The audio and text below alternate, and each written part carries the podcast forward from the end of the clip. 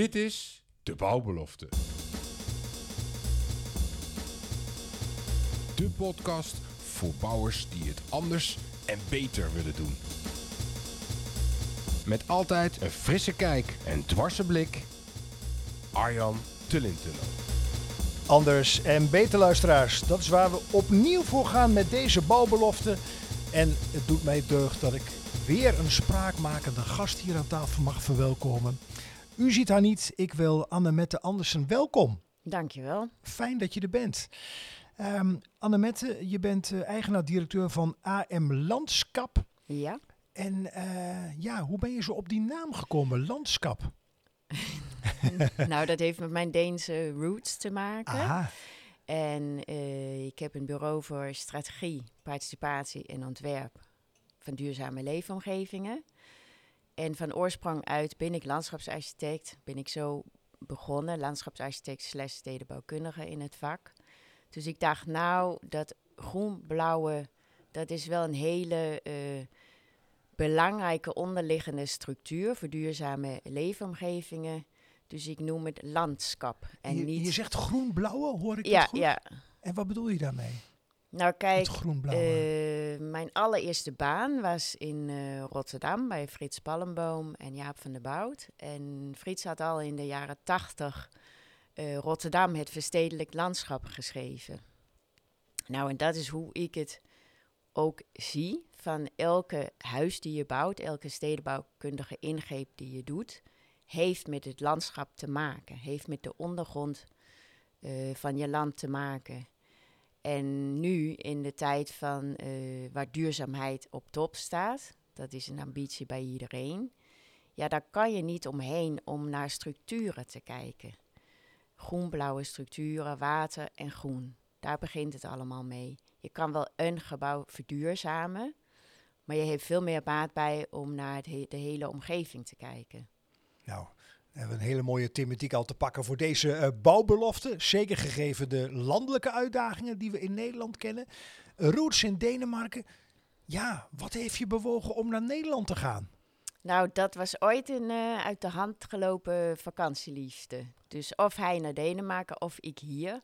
En toen heeft hij het pleit gewonnen. Jij moest gewoon naar Nederland komen. Nee, nee, die heb ik zelf gewonnen. ik wou graag naar Nederland. Dus dat was echt een trekker. Ik vond het, eh, ja, ik vond de cultuur, de mensen hier leuk. Ik dacht, dat lijkt me wel wat. Ga ik hier mijn opleiding doen en dan zien we wel verder. En, en, en wel leuk om ook in, in, in een ander perspectief, als je kijkt naar landen, eh, in te brengen. Eh, als je kijkt naar je huidige werk, eh, welke verschillen zie je dan tussen de aanpak hier en in je geboorteland in Denemarken? Nou, kijk, hier is de omgevingswet al jaren op komst. En eh, nou ja, om de zoveel tijd wordt gezegd, nu komt die echt. En in die omgevingswet is een hele belangrijke eh, thema, is participatie. En eh, ruimte laten voor initiatief.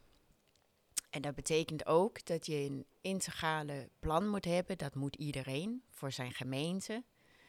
Eigenlijk zowel op fysiek als sociaal gebied. Nou, ik heb alle beginnende omgevingsvisies gevolgd. En dat is toch een groot verschil met Denemarken. Maar daar heb je eigenlijk die omgevingsvisies al decennia's. Waar het sociale en het fysieke domein, domein van een gemeente samenwerkt. En ik zie dat dat een groot verschil is, dat dat nog van de grond moet komen hier. En iedereen is aan het experimenteren en proberen, maar het is heel weerbarstig, die scheiding.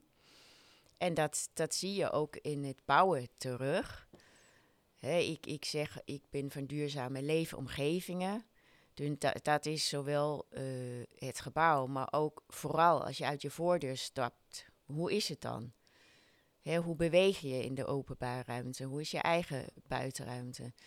Nou, daar zit een heel sterk sociaal component aan, leefbaarheidscomponent. en als je die niet meeneemt in, het fysiek, in die fysieke plannen, ja, dan kan je eigenlijk geen goede kwaliteit maken. Ja, en, en, en even elt nog na in mijn eh, hoofd eh, Denemarken-Nederland. Ja, Je zegt in je, in je thuisland is dat eigenlijk al decennia lang goed geregeld. Hè? ja, ja. Ehm, als je dan kijkt naar ons land, kun je dan door jouw bril bekeken en vanuit die ervaring vanuit Denemarken zeggen van nou, waar komt het door dat wij dat maar niet van de grond krijgen? Nou, hier is een hele sterke eh, macht eigenlijk bij investoren. Eh, die zorgen voor het bouwen eigenlijk, die zorgen voor het geld. En je ziet eh, dat, dat zij hebben natuurlijk bepaalde doelen waarvanuit zij werken. En dat is dat het, de exploitatie moet rondkomen. Dus er wordt enorm gerekend op vierkante meters, op programma's. Je kan je helemaal verliezen in die wiskundige deel daarvan. En dan vergeet je dat daar eigenlijk eh, echte mensen gaan wonen. Die daar ook moeten fietsen, lopen, leven. En dat is voor, voor, waarvoor je bouwt uiteindelijk. Je bouwt voor kwaliteit, anders hoef je het niet te doen. Ja, ja. En, en, en, en daar hebben we dus nog een slag te maken. En, en nu hebben we eh, ja, in, in, in het nieuwe kabinet een minister voor Wonen weer Ja, sinds ja. jaren. Ehm, eh, Hugo de Jonge. Ehm, door jouw bril bekeken opnieuw, heb jij het idee dat er nu, en niet dat dat te wijd is aan hem, zo bedoel ik het niet, maar heb je het idee dat er in Den Haag een andere wind waait op dit thema? Nou, wel het idee dat eh, een aantal dingen centraler geregeld moet worden. De totale woningbouwopgave. Dus je pleit eigenlijk voor centrale aansturing. Nou, dat is nu, ja, daar pleit ik eh, enerzijds voor. Kijk, mijn ideaal is die eh, centrale aansturing sterker maken, maar dat te combineren met een soort bottom-up.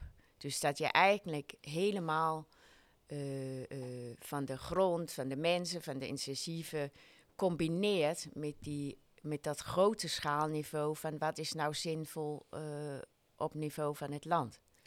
En als je dan kijkt naar, naar hoe wij in elkaar zitten als, als Nederlanders, hoe we dingen organiseren hier, dan hoor je wel eens eh, in de volksmond: hey, eh, bekijk, Nederland maar, bekijk Nederland maar eens door de lucht. Hè? Dan zie je hoe Ja. aangeharkt Ja, dat woord ja, wordt gebruikt, ons land is. Ehm, ik kan volgen wat je zegt. Ik denk de luisteraars ook. Is dat realiseerbaar? Enerzijds gegeven onze wijze van organiseren. Je hebt de centrale aansturing Ja. en je wil van onderaf eh, mensen meenemen vanaf het begin in planvorming. Ja, dat is zeker te realiseren, want dat is ook nou ja, wat ik tien jaar lang met mijn bedrijf doe. Dus ik heb daar heel veel praktijk eh, van. Eh, bij verschillende gemeentes, maar ook bij coöperaties, bij waterschappen. Eh, hoe je dat toch eh, voor elkaar krijgt. Dit is niet eenvoudig. Het is voor iedereen wennen ook. Want eh, waar ik voor pleit is dus die he- dat hele integrale aanpak. En daar wordt heel vaak gezegd, dat wordt heel vaak geschreven. Maar ik zie in de praktijk dat de disciplines, de belangen aan zich, zich eigenlijk niet realiseren dat ze niet integraal bezig zijn. Hoe zijn ze dan wel bezig? Ja, vanuit hun eigen doelen en belangen en met de beste bedoelingen hoor, maar bekeken door hun eigen bril. Dat altijd. En als je en een fijne, kwalitatief hoge, waardige leefomgeving wil maken, je wil duurzaamheid voorop zetten, dan moet je samenwerken. Je kan niet in je eentje duurzaam zitten wezen. Dat schiet niet op. Ja. Dus je moet eh, met verschillende, met andere partijen samenwerken dat je gewend bent. Want Ja. dat is dus wat, wat wordt gedacht. Oké, maar de investor werkt toch samen met de gemeente. Dat is toch lekker integraal. Nee, je hebt het waterschap nodig. Je hebt de provincie vaak nodig. Je hebt de mensen die daar wonen nodig. Je hebt andere initiatiefnemers nodig. Je hebt ondernemers nodig. Je hebt al die verschillende partijen en belangen nodig om dat kwalitatief hoogwaardige resultaat te krijgen. Mag je dan zeggen dat eigenlijk iedereen, al die actoren die je net even noemde in Volgenvlucht, projectontwikkelaars, gemeenten, aannemers, architecten, kortom iedereen die bij een bouw betrokken is, dat die eigenlijk wel willen dat de situatie beter wordt? Ja, dat, dat wil wel iedereen. Maar hoe je dat doet en beter op welk gebied, dat verschilt. Nou, neem ons eens mee, want volgens mij heb Ja. jij de oplossing. En dan gaat deze podcast rechtstreeks naar het ministerie, naar Hugo. En dan zeggen we, Hugo, luister dit eens even in je auto. Dan eh, wordt het allemaal geregeld. Dus brand Ik- maar los. Hoe doen we ik dat? zou hem zeker aanraden om te luisteren naar de bouwclub. Absoluut. Ja, nee, wat ik heb ervaren bij verschillende eh, grootschalige duurzame projecten, zowel één voor bestaande stad in Utrecht als eh, voor nieuwbouw in eh, City Nieuwegein, is dat de volgorde verstappen heel erg van belang zijn voor tempo. Ik zit zelf ook in een temponetwerk van de provincie Utrecht. Dat is een vrij nieuw initiatief. Ja, het is een nieuw initiatief van eh, de provincie om gemeentes binnen de provincie Utrecht eh, te helpen de woningbouwopgave te versnellen. En we zitten daar met negen disciplines. En eh, in dit geval zit ik iets minder voor groen-blauw, want daar zit er iemand anders. Maar ik zit daar heel erg voor planproces en voor participatie. Want dat is ook een van mijn speerpunten dat ik vertelde. En ja, die, die participatiedeel, dat zorgt eigenlijk voor versnelling, terwijl iedereen denkt dat zorgt voor vertraging. Niet waar. Als je het niet doet, dan krijg je die vertraging. Want dan komen mensen in opstand, dan komen daar bezwaarprocedures en dan ben je eindeloos bezig met dat planproces. Ja, Annette, dat is toch zo... Johan Cruijff zou zeggen, wij Johan Cruijff, dat is logisch. Ja, dat, is, eh, dat denk ik ook, maar het Wat maakt dan- niet zo.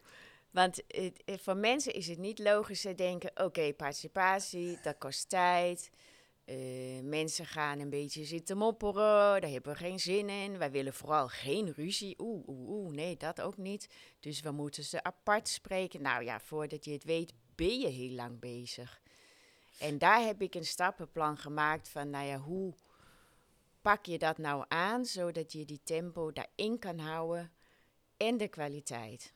En in welke mate, eh, klein zijstapje, eh, jij zit er denk ik beter in dan ik. Maar het is zo dat, dat wij kunnen inspreken, zeg maar, eh, bezwaren indienen, Ja. tot aan de Raad van State, Ja. tot, tot, ja, als je de, het gezegde kent, tot Sint-Jutemis. hè. Ik bedoel, Ja. want er hoeft maar een, een zandkorrel verkeerd te liggen in een weiland en, en je hebt al hommeles in de tent. Een beetje uitvergroot, dat doe ik bewust.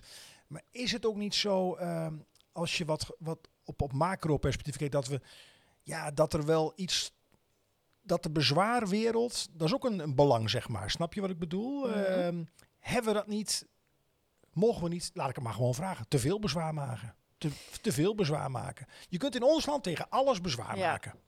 Nou, weet je wat je moet doen? Je moet het omdraaien. Je moet zorgen dat je daar helemaal nooit in terechtkomt, die hele bezwaarmolen. En dat is ook eh, die trainingen die ik geef in, in eh, participatie en samenwerking.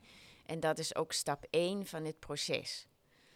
Als je als allereerst samen met al die actoren, en vergeet de gebruikers niet, eh, als je daar uitleg en met elkaar over hebben, wat gaan we hier doen, waarom gaan we het doen, hoe zorgen we dat dit waarde opbrengt op meerdere aspecten tegelijk, dan snappen mensen het idee.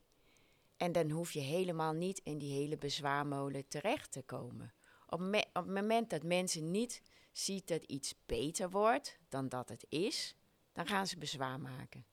Dan zien ze verandering per definitie als slecht. En wat maakt dan dat, dat beeld eh, heb ik daarbij, en ik niet alleen, dat, dat de overheid dat niet wil zien, lijkt het wel.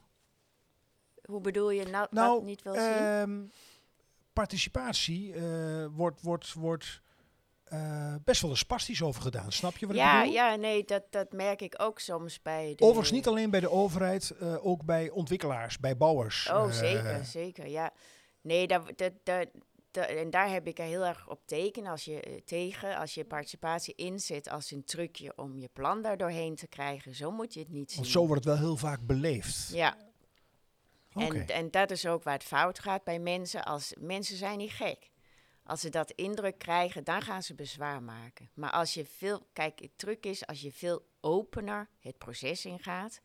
En je hebt vanuit die overheid die hele, eh, nou ja, zeg maar duidelijke eh, richtlijnen van hier kan je niet aan tornen.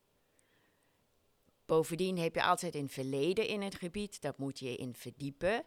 Anders sla je de plank totaal mis. Dus ik zeg altijd, je moet open de participatie ingaan, maar nooit blanco. Je hebt altijd uitgangspunten, je hebt altijd in verleden, maar open in die zin van één discipline, één belang. Moet niet denken, dat hij het ei van Columbus heeft. Want dat heeft hij niet. Kan je nooit in je eentje hebben. Dat heb je pas als je dat met alle actoren in een soort gemeenschappelijke noemer hebt gevonden. Dan heb je het ei van Columbus. En dan snappen mensen wat je aan het doen bent. En dan voorkom je echt die bezwaarprocedure. En mensen die geloven het niet als ik het zeg. Maar het is echt zo, keer op keer in projecten is dat gebleken. Je moet heel goed investeren en verdiepen in het begin.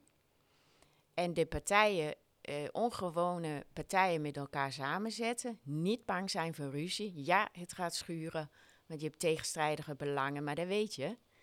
En als je die opspaart tot op het laatst, ja, dan kom je dat hele bezwaartraject in, wat je niet wil. Ja. Dus als je nou die dilemma's meteen op tafel legt, open en eerlijk, oké, jij wil dit, ik wil dat, dat strookt niet met elkaar. Dat heb je binnen duurzaamheidsaspecten, dat heb je binnen bouwhoogtes, noem maar op. Maar eh, dat kan je echt met elkaar over hebben. Een voorbeeld is, is ook in Nieuwegein, waar daar heel hoog wordt gebouwd. Ik meen 20 hoog, hè? Als ik het goed Ja. zeg in mijn voorbereiding. En dat ja. is voor zo in, in, in, in jaren 70 gemeenten natuurlijk eh, waanzinnig. Het is geen Rotterdam, zou ik maar zeggen. En toch, als je daar, daar was ook een tegengroep in het begin. Hè? Maar als je het over gaat hebben, dan op een gegeven moment zei ook iemand, toen we het open op tafel lag, van ja, nee, wij eh, willen niet de woningopgave ter discussie stellen. En we snappen dat het in het centrum moet, met tram en bus. Helemaal logisch, maar wij willen wel invloed hebben op hoe het daaruit komt te zien. Nou, en daar moet je als ontwikkelaar en architect heel goed naar luisteren. En dat hoeft geen extra geld te kosten. Het is puur een kwestie van goed nadenken, goed luisteren, En als je dan kijkt naar dat voorbeeld, eh, dus uiteindelijk is men akkoord met die 20 hoog in Hartje Nieuwegein. Begrijp ik het zo goed? Nou, daar is, kijk, daar is heel snel in, in, in eh, proces geweest. En ik wil niet zeggen dat er geen enkele bezwaar is gekomen, want dat is er wel. Maar als je het vergelijkt met andere plekken, is eh, het proces hier veel en veel korter. Hè? Dat is ook wat Hugo de Jonge zegt. Voordat er gebouwd wordt, duurt het tien jaar. Ja, ik meen twee Hè? jaar bouwtijd en acht jaar procestijd. Ja, en dat is dus waarom ik zeg dat proces, geloof me, kan echt veel sneller. Hoeft geen acht jaar te duren, ook niet als je kwaliteit wil, ook niet als je duurzaam wil. Kan echt veel sneller. En je moet het niet sneller willen door mensen uit te sluiten en lekker eh, met een klein clubje. Nee, dat gaat niet werken. Je moet echt in het begin iedereen bij elkaar zetten en de dilemma's op tafel en laten schuren. Totdat je de gemeenschappelijke noemer hebt gevonden. En voor die één, en, en dat heeft ook met taal te maken eh, vaak. En dat is misschien grappig dat ik dat zeg als, eh, als niet-Nederlandse. Maar kijk, die één, daar heb je het over duurzaamheid. En die andere, daar heb je het over in groene, fleurige, kleurrijke omgeving. Als we dan nog even teruggaan voor de luisteraars om het begrijpbaar te houden. Nieuwegein, eh de aanpassingen aan de hoogbouw. Hè? Eh, je zei net architect, belangrijke ja. rol, bouwer. Eh, kun je wat noemen hoe het er nu naar... Nou, daar zijn bijvoorbeeld de criteria's. Welke aanpassingen zijn gedaan? Om, nou, de om, om- criteria zijn geformuleerd. Je moet eh, vijf à zes bouwlagen vergroenen. Dus dat is niet alleen duurzaamheid, maar dat is ook beleving, dat is eh, koelte, dat, is, dat, dat lost zoveel op. Bedoel je dan vijf van de twintig bouwlagen? Vijf, Ja. zes van de twintig? En heel liefst wil je natuurlijk dat hele gebouw eh, in het groen zetten. Maar dat is in ieder geval een criteria. En zo eh, eh, ben ik tot dat stappenplan gemaakt, eh, gekomen. Hadden we het daar nog sneller kunnen doen, nog slimmer. Hetzelfde in, in het gebied Hoogbouwland in eh, Utrecht.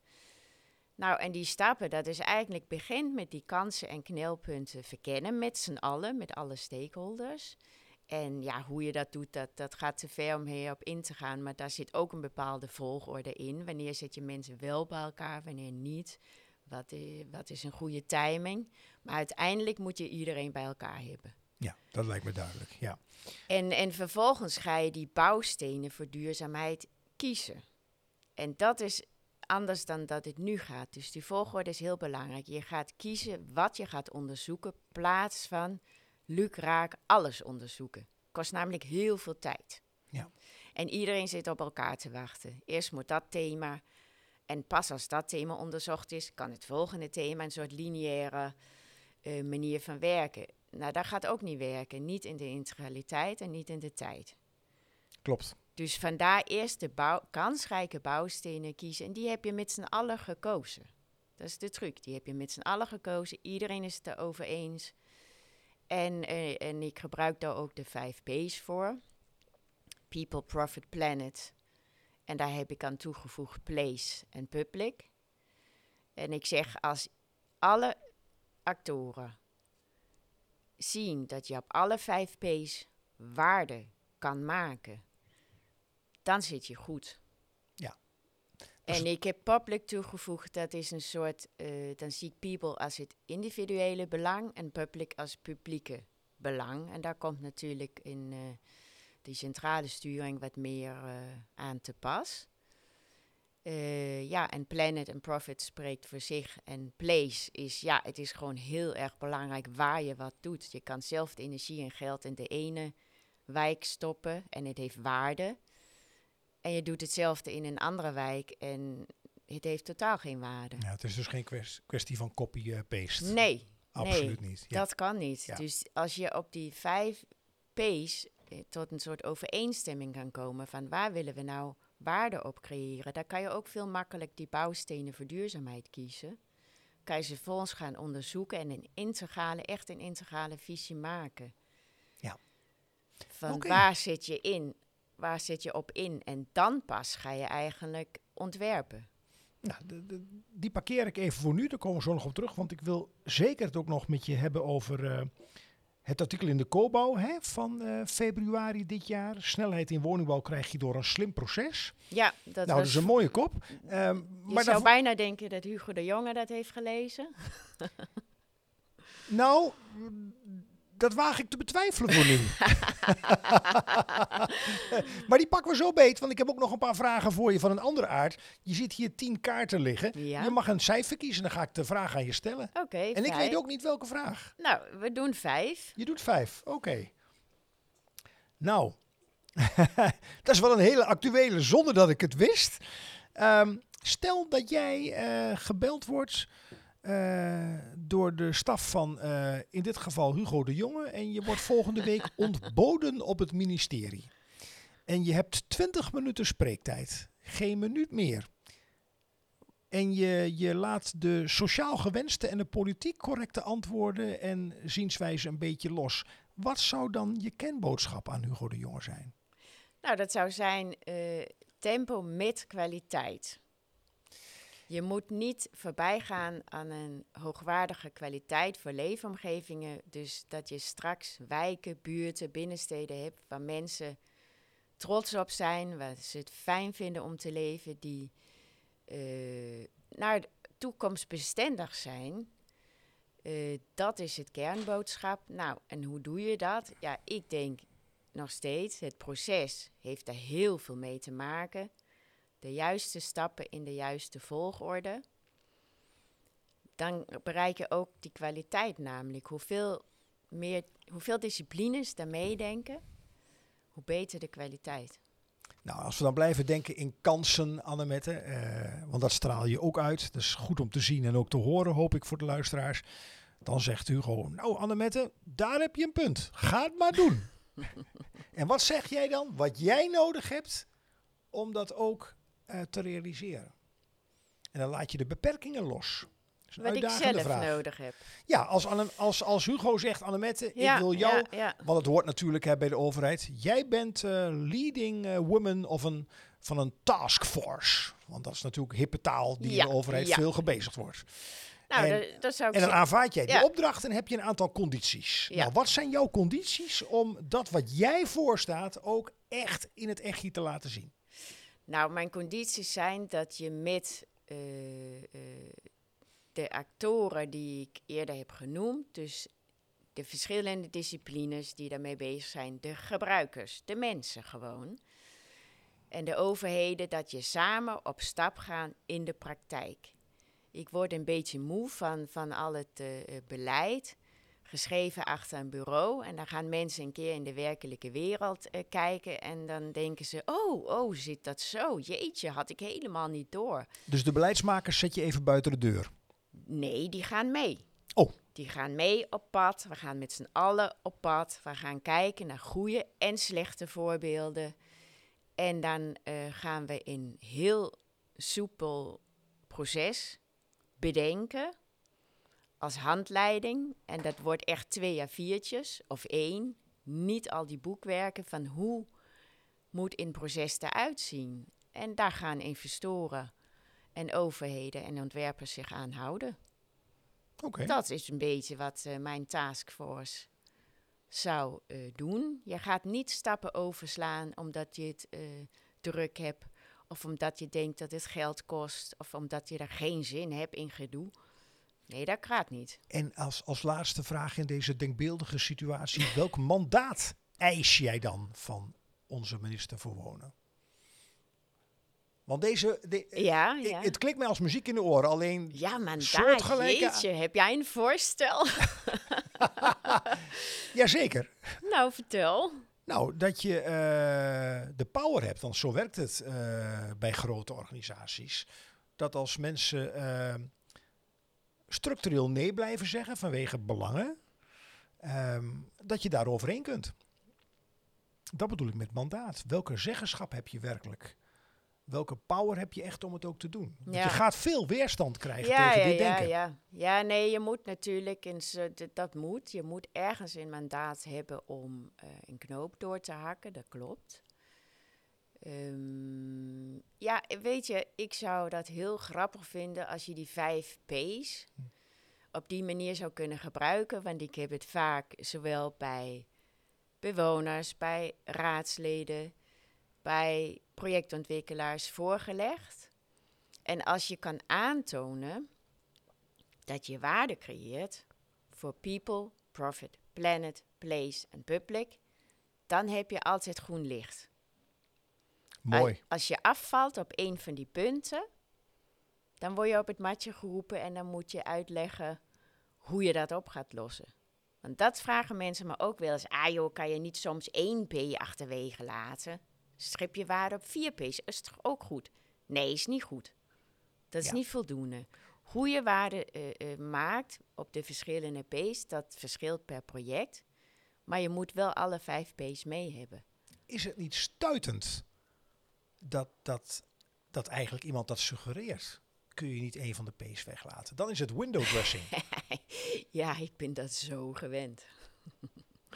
ja, maar dat geeft Ja, aan... dat klopt. Dat, dat, dat- ja, nee, eh, ik vind ook niet dat je integer bezig bent dan. Maar dat is dus niet kwade wil. Dat is niet altijd kwade wil. Mensen denken echt oprecht dat ze goed bezig zijn eh, als ze een heleboel, aan een heleboel eisen voldoen. Wij doen al zoveel.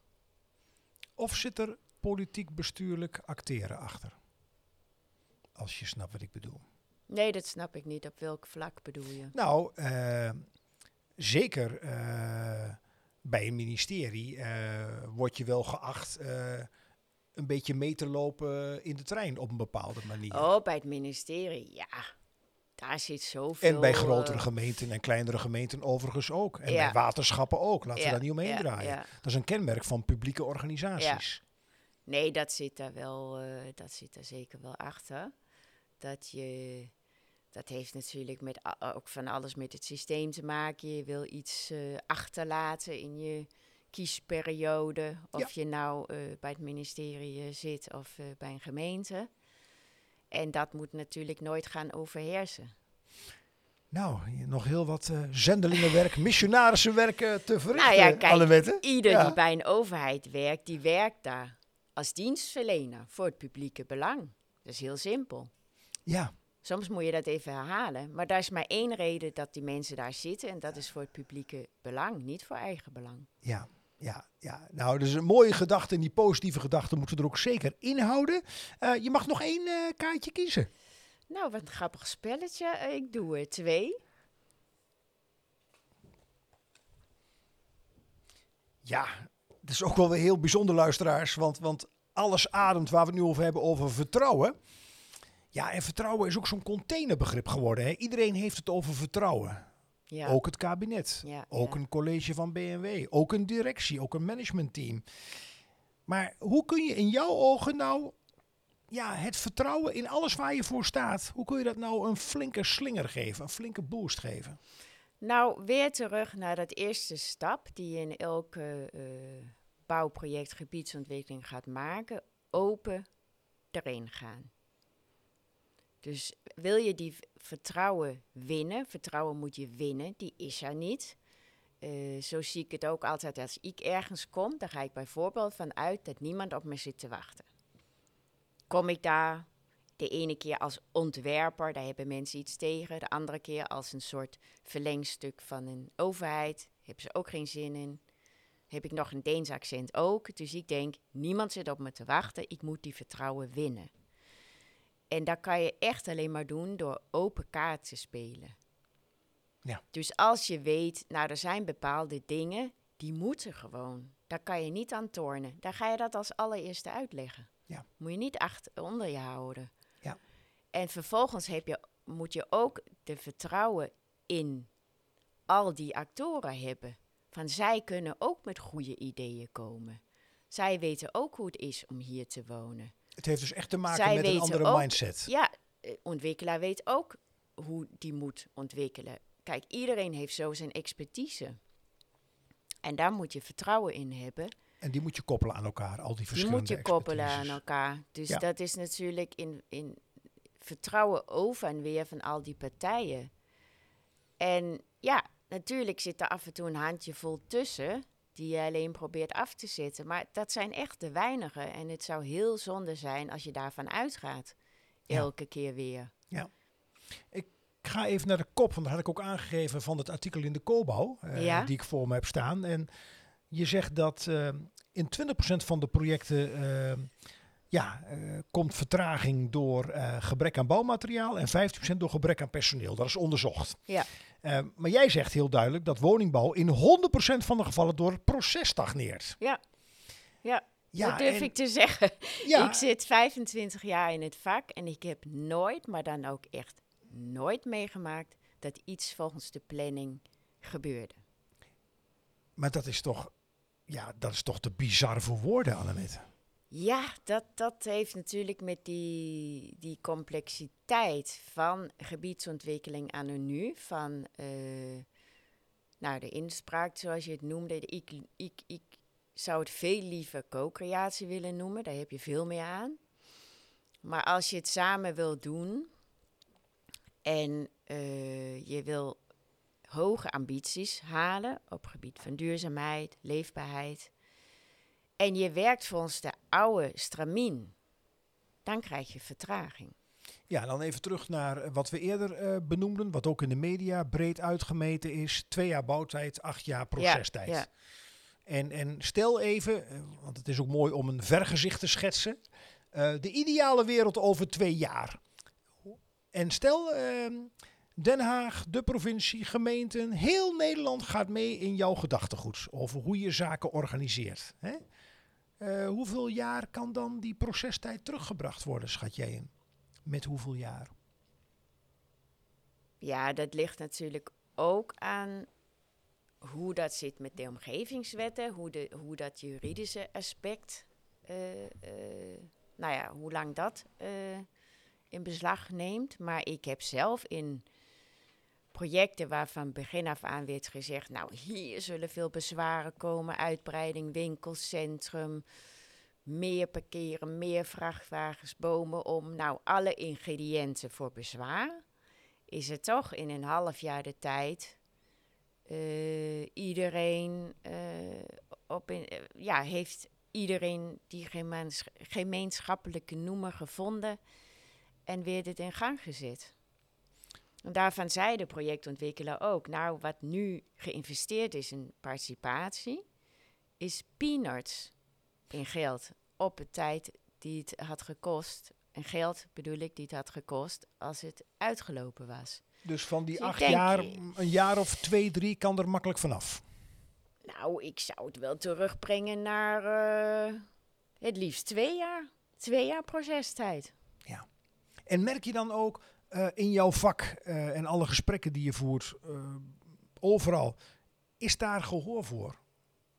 Ja, tuurlijk. Iedereen wil dat het sneller gaat. Vandaar dat een provincie ook zo'n netwerk opricht. Vandaar dat een minister dat zegt. Uh, er zitten ook hele gedreven mensen bij overheden die ook heel snel willen. Maar daar zit altijd, er is altijd een punt waar je met elkaar niet uitkomt. En welk punt is dat? Nou, daar zijn. het ene punt is dat sectoraal werken wat iedereen gewend is. En dat is niet alleen bij overheden hoor, Nee, dat, dat is klopt. overal. Ja. Dus iedereen probeert zijn eigen optimum te vinden. Nou, dat gaat niet werken. Of zijn eigen, eh, zeg maar, tien op ambitie te halen. Ja. Op zijn gebied, op zijn discipline, op zijn belang. Maar als je dat bij elkaar doet, dan wordt het een optimum tussen de belangen, tussen de disciplines. Nou, dat is één wat mensen heel goed moeten beseffen. Nee, je kan niet je tien krijgen op jouw specifieke gebied. Dat is een heel belangrijk om iedereen te beseffen. En ik snap dat het moeilijk is, want je bent gedreven en eager op jouw eigen discipline, jouw eigen gebied, maar het kan niet. Je moet dat optimum. Dus dat is één belangrijk ingrediënt. Een andere belangrijk ingrediënt om het niet te laten stagneren, dat zijn die financiële onderhandelingen. Oh, in nu is het, ligt het bij gemeentes en projectontwikkelaars. Nou, daar, da- dat kan ook enorm veel tijd in beslag nemen. En hoe dat slimmer kan, ik denk dat, dat daar andere experts over gaan, maar ik weet zeker dat het slimmer kan. Soms is het, gaat het over zulke kleine bedragen op het geheel, dat ik denk dat je daar twee jaar over moet zitten onderhandelen. Dat is toch te zot voor woorden. Helder. En speelt ook mee, eh hoeven we nu niet verder uit te diepen, want dat is een andere discipline, maar dat hoor ik ook. Ehm, stel, eh, wij zijn met z'n tweeën ontwikkelaar, we willen Ja, iets doen, ja. ook voor de goede zaak. Met sociale huur, sociale koop, dan heb je met de grondprijs te maken. Dat Ja, iedere gemeente denkt, massa is kassa, vierkante Ja. meters. Daar gaat toch al iets mis? Ja, nee, daar hebben projectontwikkelaars zeker ook eh, last van. Dus het is niet zo dat elke projectontwikkelaar gewoon een enorme winst in zijn zak wil steken. Maar die zitten echt ook te worstelen, bijvoorbeeld met die duurzaamheidsopgave. Wij zijn er nog niet. Dus eh, al innovaties kosten geld. Heb jij een idee, Anne, met we het hierover hebben? Of het ontgaat mij, hè? Maar in de media eh, lees ik daar niks over. Iedereen heeft het over handentekort, over Ja, ja, materiaaltekort. Over dat de woningmarkt, eh, hè, de, de, de vraagprijzen, zowel huur als koop geëxplodeerd zijn. Maar je hebt volgens mij te beginnen bij de basis, en dat is de grondprijs. Ja, Als die ook extreem hoog is, ja. zie dan maar eens een eh, woning te bouwen in Utrecht. eh, een appartement Nee, voor en- 2 2 ton vrij op naam of 2,5 ton vrij op naam. Dat gaat niet lukken. Daar is natuurlijk waar die centrale sturing van de overheid wat in kan doen. Hè? Ja. Van ja. waarom die extreme verschillen? Wil je dat wel in je land? En merk jij binnen de provincie Utrecht, waar je dus deelgenoot bent van dat mooie nieuwe initiatief, dat daar gehoor voor is? Voor die financiële component? Is daar aandacht voor? Nee, nee, daar merk ik eigenlijk weinig aandacht voor. Dat is toch een gemiste kans. Annemieke. Ja, misschien zit ik gewoon niet in die kringen, dat weet ik niet. Maar ik merk wel dat het iets is als het gaat over sociaal woningbouw. Eh, hoe krijg je dat? Hoe krijg je daar ook eh, hoogwaardige kwalitatieve woningen, toekomstbesteding, klimaatadaptief? En ik weet wel, in Nieuwegein zat een goede gebiedsmanager en die had het altijd over de onrendabele top. Dat je die eigenlijk zou moeten dekken. En, dat en wat bedoelt hij daarmee?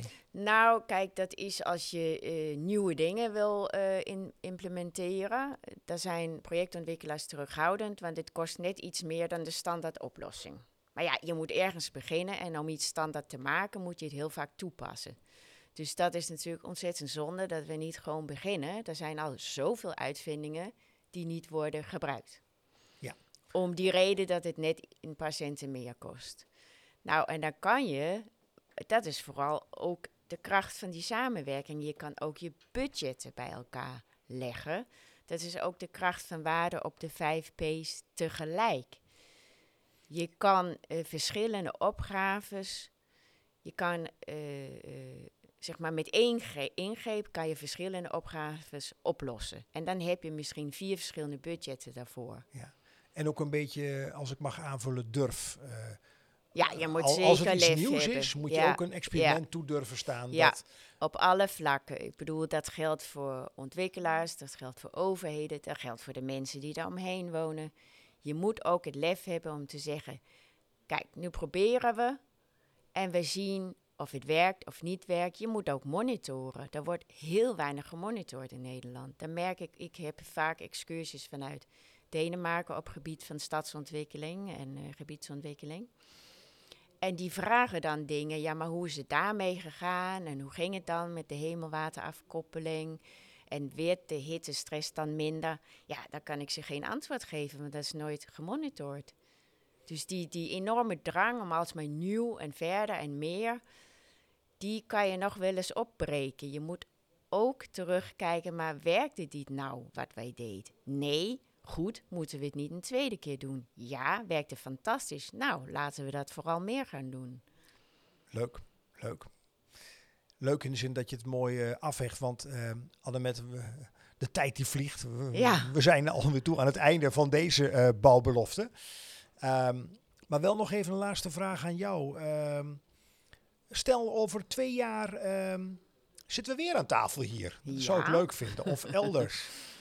en, en laten we ervan uitgaan, want we willen wel vanuit positiviteit en wat wel kan eh, alles blijven benaderen. Ehm, welke, welke slagen zou Den Haag dan gemaakt moeten hebben om echt die versnelling wel te krijgen? Nou, ik vond het wel een goed idee van jou. Ik krijg er wel zin in, die taskforce. En een van de doelen die daarin moet zitten, taskforce eh, snel proces met behoud van kwaliteit, is ook monitoring. Die Ja. moet er ook in.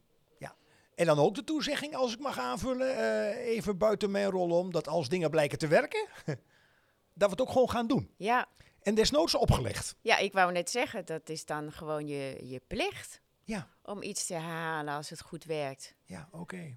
En ook om ri- in risico, ingecalculeerde risico's nemen, moet je ook doen, anders kom je nooit verder.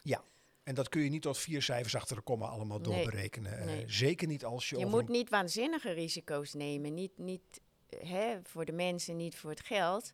Maar je moet wel risico nemen, want dat is innovatie. Ja. Anders blijf je hangen in het oude. Ja, ja. Nou, dit was hem, Annemette. Nou, Ehm Dank je wel ehm, voor je bijdrage aan deze bouwbelofte. nou, graag gedaan. Leuk gesprek. En eh, ja, eh, wij wensen je heel veel succes eh, met je enthousiasme, je passie om het toch beter te gaan doen, slimmer te organiseren. En we zijn blij dat je ook een ander geluid hebt laten horen, want daar staan we voor als bouwclub. En daar staan we ook voor met de podcast die we onder de bouwbelofte eh, ja, regelmatig maken. Eh, luisteraars, dank voor het luisteren.